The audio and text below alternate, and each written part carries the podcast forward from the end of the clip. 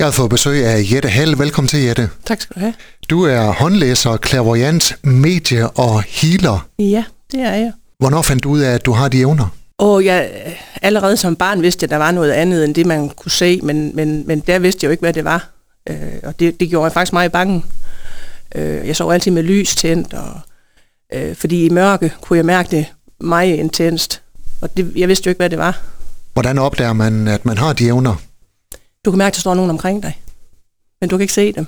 Du kan bare mærke, at der står nogen omkring dig. I dag, når jeg ved, og det igennem det, jeg også laver, ved jeg godt, hvorfor at det føles sådan i mørke. Fordi mørke gør noget godt, men det forstod man jo ikke som barn. I mørke, så der slører du nogle sanser, og så bliver fornemmelsen kraftigere. Lad os lige gå de her fire begreber igennem. Ja. Håndlæser, hvad kan du med det? Jamen, jeg kigger sådan lidt på, på hvad du egentlig er for en, en type menneske, hvordan du egentlig lever dit liv, og hvad, hvad du står i sådan lige her og nu, og hvordan ser det ud fremadrettet, øh, hvis du står i et eller andet. Øh, dem, der kommer, kan man sige, kender jo godt deres eget liv, men man kan have så mange spekulationer og tanker om, jamen er det egentlig rigtigt, eller er det rigtigt, det jeg føler, eller... Og så er det skønt at få sat ord på af en, som egentlig ikke kender noget til sig. Og det fortæller hånden. Clairvoyance, hvad er det? Det er sådan, hvor at, uh, på samme princip egentlig, hvor man egentlig kan stå i nogle situationer i sit liv, og så kan man egentlig, hvis nu for eksempel man står og tænker, skal jeg skilles eller ej? Jeg skal jo ikke gå ind og sige, det skal du, eller det skal du ikke. Det er jo ikke min opgave. Jeg kan gå ind og sige, jamen hvis du bliver, så står du i den situation. Hvis du går, så står du i den situation. Og så må personen selv vælge. Ja, det hvor kommer de informationer fra? Dem, dem der snakker med mig.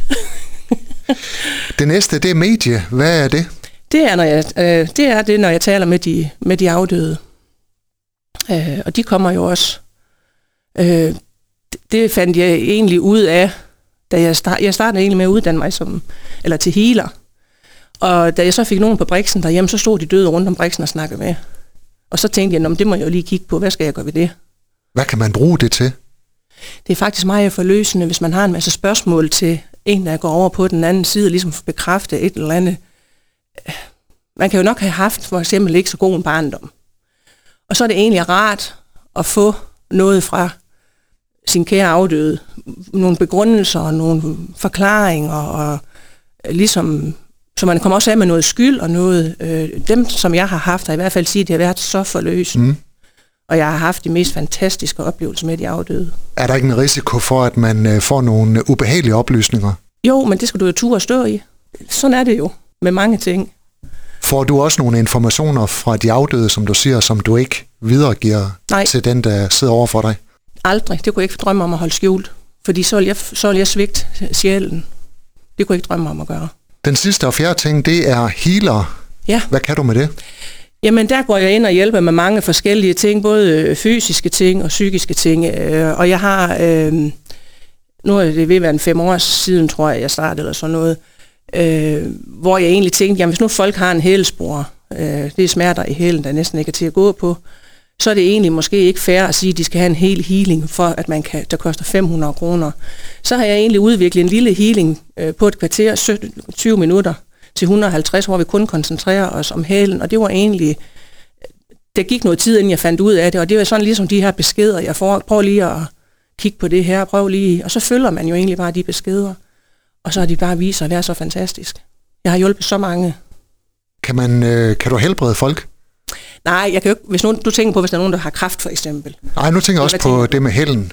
Dem har jeg, ja, dem har jeg snuppet rigtig mange af. Dem har jeg fjernet mange af. Jeg har også fjernet min egen to gange. Hvad er det, du gør rent praktisk, når du healer? Jeg bruger mine hænder. Jeg ligger og, og, og følger egentlig den øh, fornemmelse, man egentlig øh, får, hvor man skal egentlig gå hen og trykke, og man skal gnide, eller man skal bare holde, eller...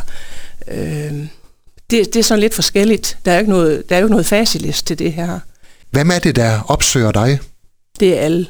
Jeg kan ikke sige, at det er en bestemt rig fattig. altså, altså, sådan er det ikke noget, der hedder.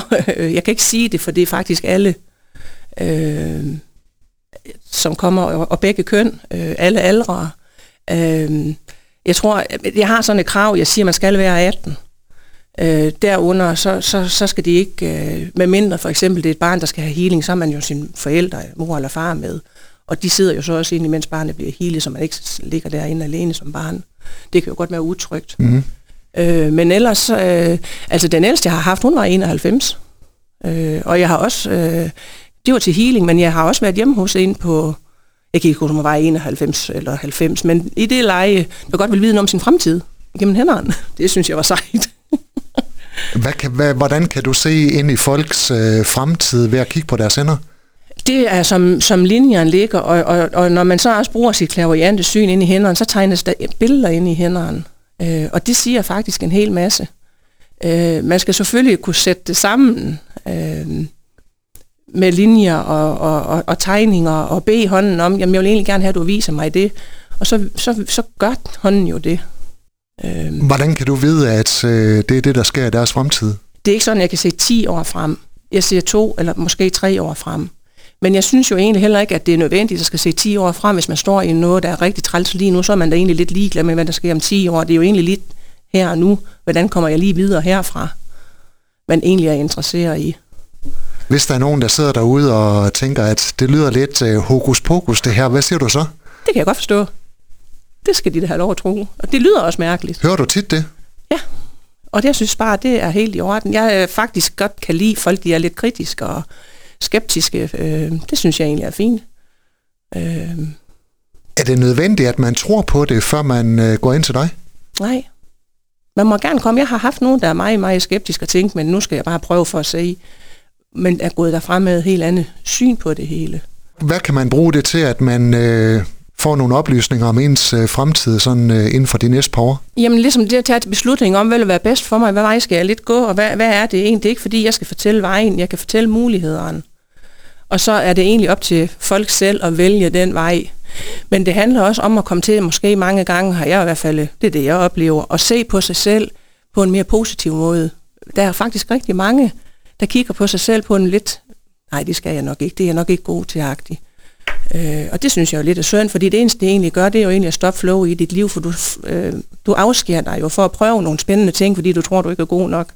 Oplever du nogen, der tror mere på sig selv efter et besøg hos dig?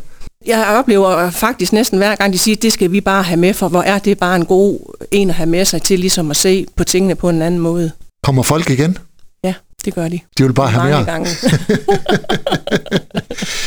du øh, praktiserer fra øh, privatadressen i Jørgen? Ja, det gør jeg. Hvordan foregår det, når man kommer ind til dig? Altså sådan en, en håndlæsning for eksempel. Hvor lang tid tager det? Den var en time. Øh, og det, man starter sådan med at læse øh, overhænder, og det er sådan lidt her og nu situation af sit liv. Hvad står vi i? Hvad skal vi kigge på? Hvad er det egentlig? Hvorfor kommer du?